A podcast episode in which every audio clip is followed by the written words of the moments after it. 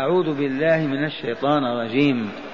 ودت طائفة من أهل الكتاب لو يضلونكم. حق هذا؟ كيف لا؟ هذا أخبار الله عز وجل. ودت أحبت حبا كاملا. طائفة لا كل أهل الكتاب. ودت طائفة من أهل الكتاب لو يضلونكم وما يضلون إلا أنفسهم وما يشعرون. يا أهل الكتاب لم تكفرون بآيات الله وأنتم تشهدون؟ يا أهل الكتاب لم تلبسون الحق بالباطل وتكتمون الحق وأنتم تعلمون؟ هذا التوبيخ الإلهي. ودت طائفة من أهل الكتاب لو يضلونكم وما يضلون إلا أنفسهم وما يشعرون. يا أهل الكتاب لم تكفرون بآيات الله وأنتم تشهدون؟ يا أهل الكتاب لم تلبسون الحق بالباطل وتكتمون الحق وأنتم تعلمون؟ من يبلغهم هذه الآيات؟ المسلمون المؤمنون ينقلونها إليهم. أما رسول الله فقد أدى واجبه أما أصحابه فقد أدوا واجبهم. أما أبناءهم فقد فعلوا. أما أحفادهم فقد بلغوا. ونحن الآن وقفنا من قرون. وقفنا من قرون. لما وقفنا هم الذين كبلونا وقيدونا هم الذين جهلونا وأفقرونا هم الذين فرقونا ومزقونا فحرموا. زادهم الله حرمانا فهمتم ما أقول؟ هم الذين حرموا أنفسهم بإفسادنا وإضلالنا وتمزيقنا. لو ما خدعونا وتركونا ننير الحياة والدنيا لدخلوا كلهم في رحمة الله. لكن مكروا فعاد مكرهم عليهم. وإن حرمنا نحن أيضا لكن هم السبب هم الهالكون أولا. ودت أي أحبت في صدق طائفة منين؟ من أهل الكتاب. من هم أهل الكتاب هؤلاء؟ اليهود والنصارى. لما قيل فيهم أهل الكتاب؟ لأنهم أصحاب التوراة والإنجيل. اليهود بأيديهم وفي رفوفهم ومكاتبهم وعند رؤوسهم التوراة. والنصارى أيضا في مكاتبهم وبيوتهم الإنجيل. فهم أهل كتاب وإلا لا؟ أهل كتاب ودت طائفة من أهل الكتاب لو يضلونكم أحبوا لو تمكنوا من إضلالكم. لم يودون إضلالنا؟ أتعرفون لما؟ لعلمهم أنهم هالكون يريدون أن نهلك معهم. عرفوا أنهم خاسرون. فودوا أن نخسر مثلهم. الحسد حملهم على هذا. هذا إخبار الحق عز وجل. ووالله لك ما أخبر. وإنما ما قال ود أهل الكتاب قال طائفة. الآن يوجد في النصارى الملايين ما يعرفون الإسلام ولا يكرهونه ولا يحاربونهم ملايين. وتوجد طائفة هي التي تعمل على إضلال المسلمين وإيقاف نورهم وهدايتهم وهم رؤساء الكنائس ومن والاه من الأغنياء وصافحهم من أهل الأمجاد والحكم. وإلا ملايين لا يعرفون شيئا من النصارى. كذلك من أهل من اليهود توجد أيضا أعداد كبيرة ما يعرفون شيئا إلا التقليد والمشي وراء أئمتهم وهداتهم. ورؤساؤهم هم الذين يمكرون بالمسلمين ويودون لو خرجوا من دينهم. وهناك لفتة كثيرا ما قلناها اليهود عليهم لعائن الله عرفوا حديث أبي القاسم صلى الله عليه وسلم وبلغهم ودرسوه وأكثر المسلمين ما سمعوا به. وهو قوله صلى الله عليه وسلم في صحيح مسلم وغيره لتقاتلن اليهود. هذه اللام ما هي هذه؟ لام التوكيد وإلا؟ لتقاتلن اليهود. موطئة للقسم. والله لتقاتلن اليهود. كيف نقاتلهم يا رسول الله؟ وقد شردوا وقد بددوا وهلكوا. أين اليهود؟ اسكتوا. لا بد. وقاتلناهم وإلا لا وهزمونا بعد ألف ومئتين وثلاثمائة سنة. هذا نبي الله وإلا كيف لا؟ يخبر بهذا الغيب. لتقاتلن اليهود ثم لتسلطن عليهم. هذا البناء للمفعول هذا. لتسلطن من يسلطنا؟ الله أو أمريكا أو بريطانيا أو روسيا. ما ندري. تسليط الله معلوم لكن معنى آخر لتسلطن عليهم. فتقتلوهم حتى يقول الشجر والحجر يا مسلم هذا يهودي ورائي فاقتله واليهودي اختبأ تحت الشجرة أو الحجر. ينطق الله عز وجل ما لا ينطق. ينطق الله الحجر ولا لا؟ الشجرة التي مع ركان ما قالها الرسول تعالي فجاءت تزحف. ما قالها إشهدي فقالت أشهد أن لا إله إلا محمد رسول الله. يا مسلم هذا يهودي وهي فاقتلوا إلا شجر الغرقد اللهم إلا شجر الغرقد فإنه لا يكشف عن اليهود ولا يخبر عنه لأنه شجر اليهود. أين بقيع أين بقيع الغرقد هو ذاك ولا لا؟ لما سمي ببقيع الغرقد لأن شجر الغرقد كان ينبت فيه بكثرة. والآن ما فيه أمطار ولا في كذا وقف.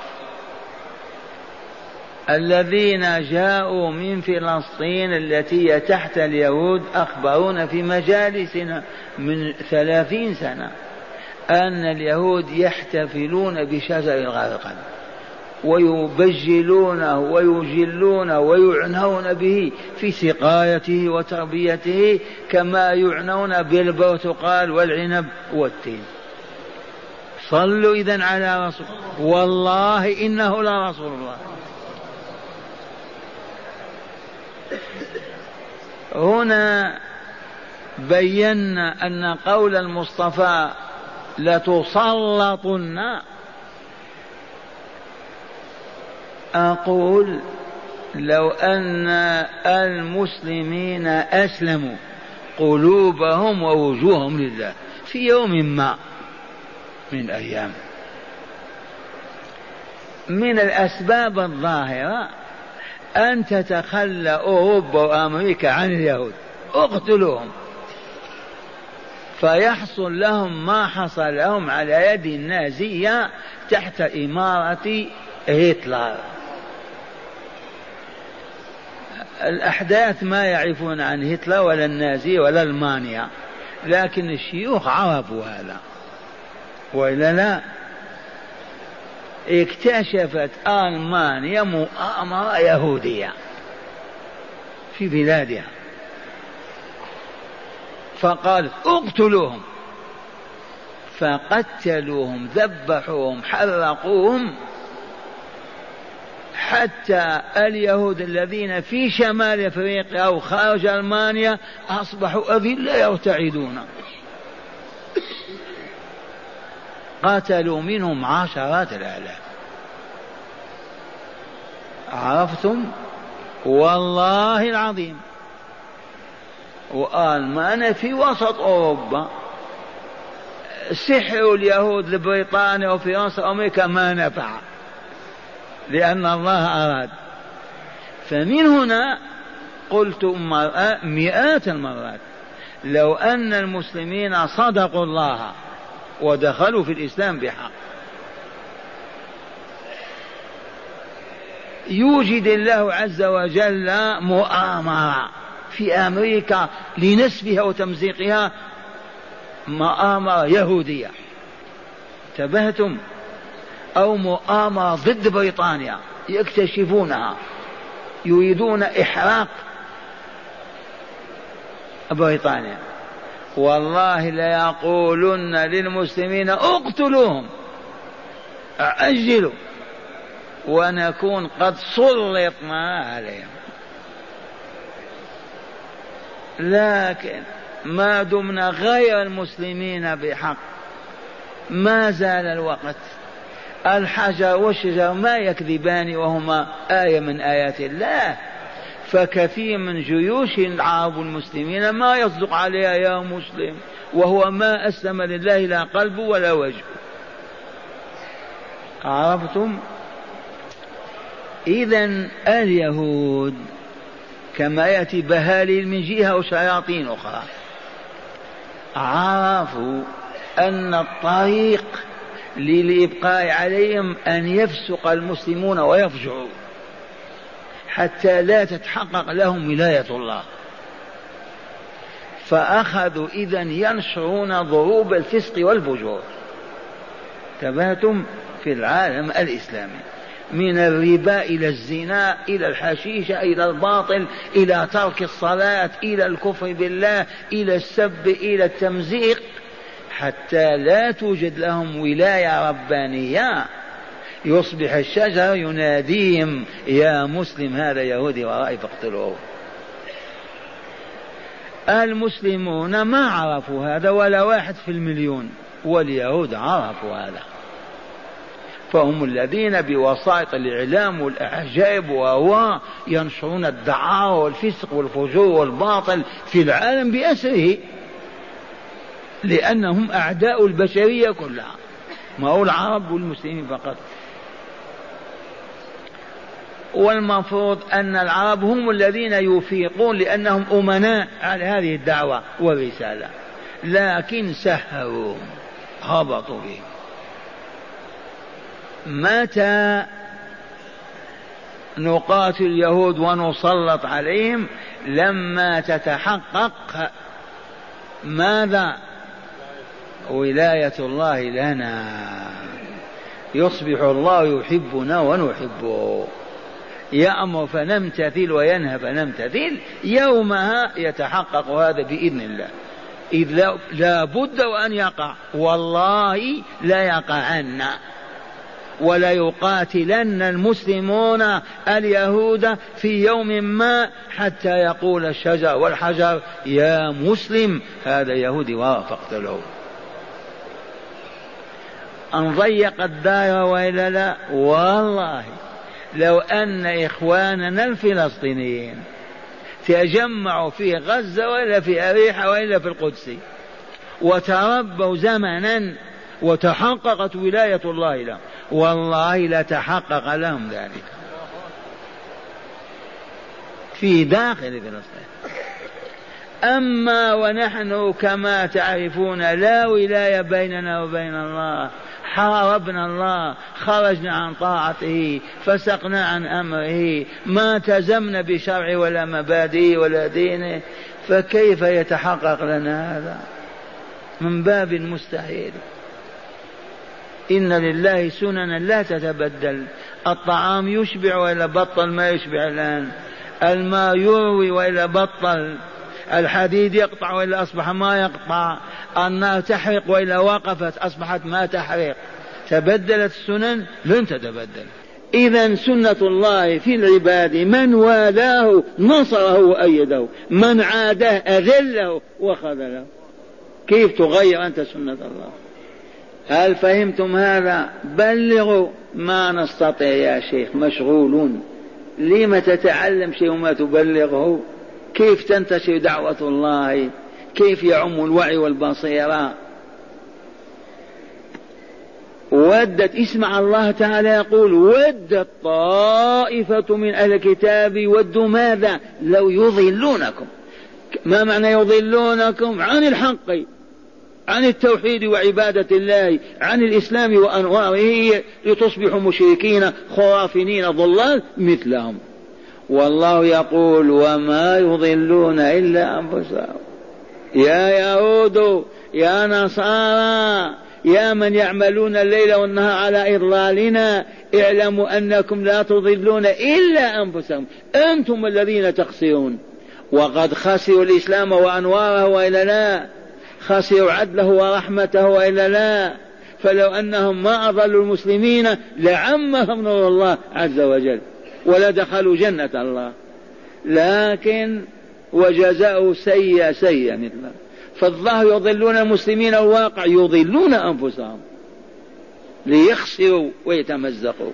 وما يضلون إلا أنفسهم وما يشعرون.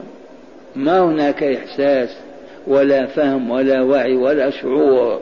لو شعروا عرفوا أنهم بإضلال المسلمين أضلوا أنفسهم لكفوا عن إضلال المسلمين ولا انتصروا الإسلام ودخلوا في أنواره ورحمته. لكن ما يشعرون؟ غمرتهم شهوة الدنيا وطلب ملاذها وفتنتها والتكبر فيها والتعالي على الناس. قولوا صدق الله العظيم. وناداهم وهو الرحمن الرحيم يا أهل الكتاب يا أهل التوراة والإنجيل لم تكفرون بآيات الله؟ وأنتم تشهدون أنها حق.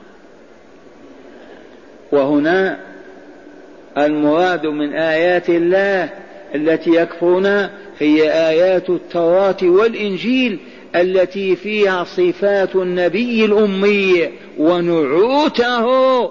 بالنعت الواحد. يقرؤون ويعرفون أن هذه صفات النبي الأمي محمد صلى الله عليه وسلم. ويغطوها ويجحدوها ويؤولونها ويقول ما زال هذا الشخص ما خرج بعد. إذا جاد لهم من إخوانهم يقول لا لا لا, لا هذه لا تنطبق عليه هذا سيأتي صاحبها. ما زال. ومن قرأ الإنجيل وقف على هذه الصفات بالصفة الواحدة والتوراة كذلك. لم تكفرون بآيات الله الدالة على نبوة محمد ورسالته وأنتم تشهدون ذلك وتعرفونه. أي توبيخ أعظم من هذا؟ أي تقريع أشد من هذا التقريع؟ ولا نقول أنهم أعرضوا عنه. وجد ربانيون علماء من اليهود والنصارى ملأوا الدين أنوارا وطهرا وصفاء. نعم.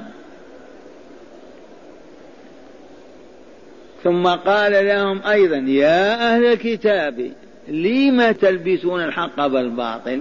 الحق يلبسونه ثوب الباطل ها هو باطل.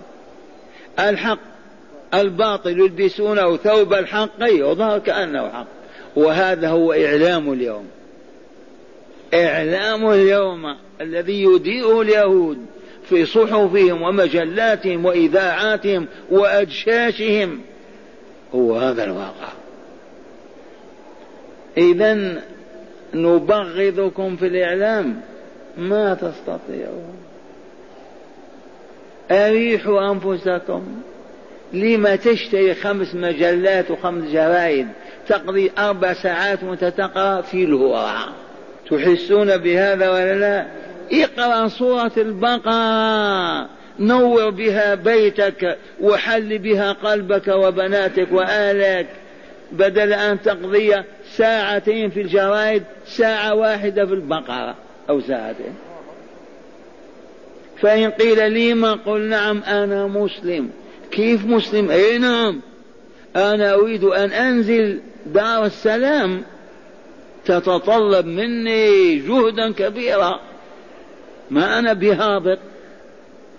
وبذلك نخيب مسعاهم أبشركم أن ذاك الذي نددنا به صاحب الدش قد أزاله. الحمد لله. بعد ما صرخنا وبكينا وقلنا والله الكتاب الذي كتبته له لو كتبته إلى يهودي لاستحى وأبطل هذا الدش من سطحه لأنه مقابل المسجد النبوي يتحدى رسول الله والمؤمنين. وبعد كذا شهر الآن أزاله. الحمد لله. اسمع يا جامد يا رجعي يا متخلف ما الذي يضر هذا الدش؟ وأنت تندد به. هذا هو السؤال ولا لا.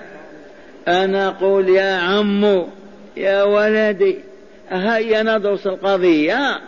دلني على النتائج المباركة والطيبة التي تحصل عليها من دشك. نبدأ بالمال هو كل شيء ولا لا؟ كم ريال ينتج لك في الليلة؟ في الشهر. الجواب ولا قرش واحد. أو في شيء؟ ثانيا ما هي معارفك وعلومك الإلهية التي تسمو بها وترتفع وتتنزه عن النقائص والحثلات والأوساخ والعثرات؟ والله ولا شيء. ما الذي يرفعك في قدرك ومكانتك بين المواطنين؟ آه فلان صاحب دش. نحييه ونركع له. ما في. شيء؟ والله ولا فائدة.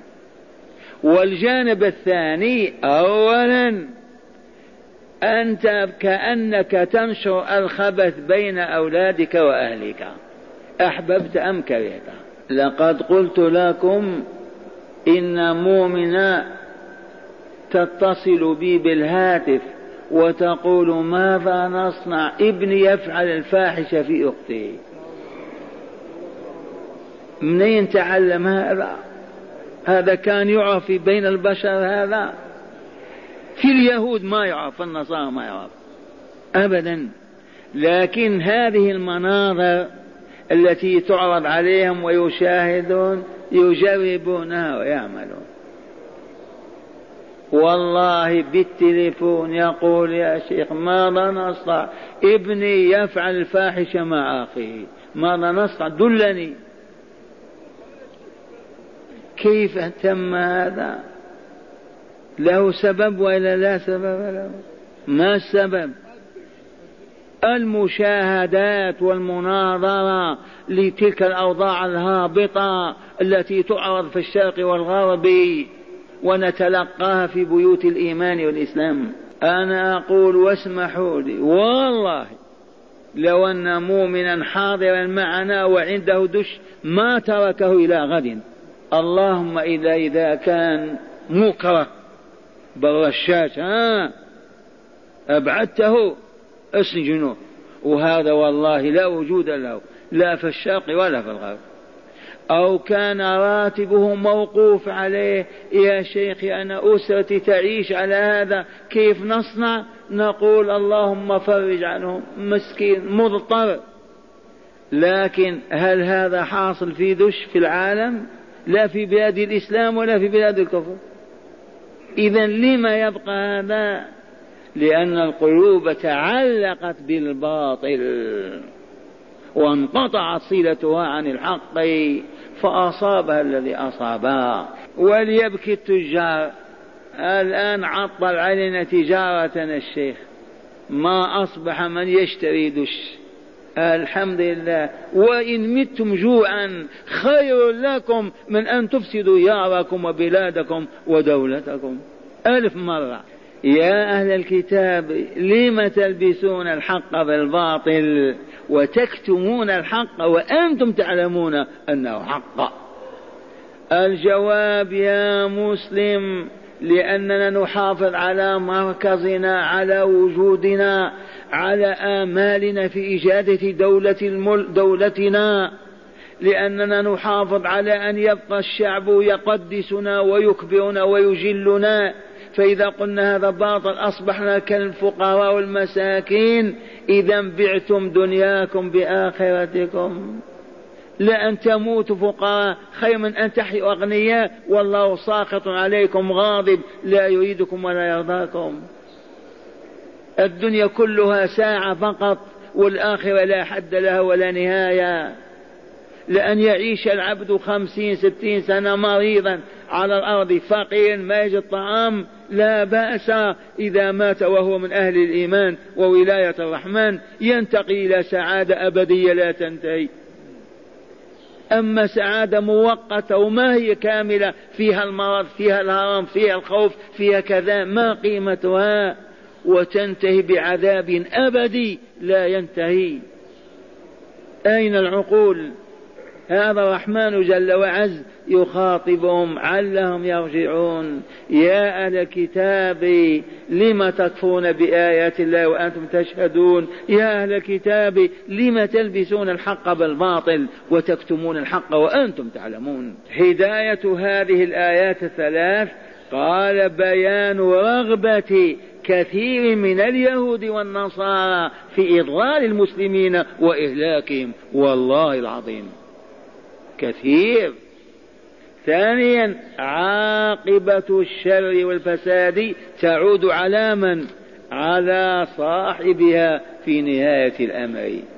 قاعدة مسلمة. عاقبة الشر والفساد ترجع على من؟ على صاحبها في نهاية الأمر. كل من أراد بالمؤمنين ولو بمؤمن سوءا يعود عليه في النهاية. كل من أراد بمؤمنين أو مؤمن شرا والله لا يعود عليه. لما؟ لأن الله ولي ذلك المؤمن. وهذا الخبيث لا, لا ولاية له بينه وبين الله. فيرد البلاء عليه في النهاية. هو الخاسر. دل على هذا قوله تعالى وما يضلون إلا أنفسهم وما يشعرون ثالثا قبح من يكتم الحق وهو يعرفه علماء اليهود علماء النصارى علماء الروافض علماء أهل الباطل يعرفون ويكتمون لمصالحهم للإبقاء على مركزهم. والله العظيم. لأنه ما ترقى وأصبح شيخا أو إلا بعد العلم. أليس كذلك؟ والذي يعلم الباطل ما يعرف الحق يعني يجهله لا والله. قادر على أن يعرف. ولكن المحافظة على الوجود الهاوي الباطل قبح من يكتم الحق وهو يعرفه رابعا حرمة التدليس والتلبيس في كل شيء حتى في البضاعة. بائع البضاعة مر الرسول به وجد كيس الشعير فشعر أن باطنه فيه الثرى والبلل فأدخل الرسول يده في الكيس فاستخرج الشعير المبلولة المبتلة فقال يا صاحب الطعام لم ما جعلت هذا أعلى وهذا أسفل؟ من غشنا فليس منا. نحن لا ندلس ولا نلبس نظهر الحق كما هو حق. خطبوك في ابنتك وهي مصابة بمرض قل إنها مريضة. ساومك في سيارتك قل بها علة عرضها على المهندس. تبات. خاطبك في في ابنك يزوجه قل له يا يا سيد هذا ابن عفريت ما يصلي ما تزوجه. مثلا لا تلبيس ولا تدليس بين المسلمين ابدا وحرام هذا وليس من شأنهم. خامسا حرمة كتمان الحق في الشهادة وغيرها. لا يحل لمؤمن أن يشهد بالباطل أن يجحد الحق ويكتمه. هذا شأن أولياء الله حقق الله لنا هذا.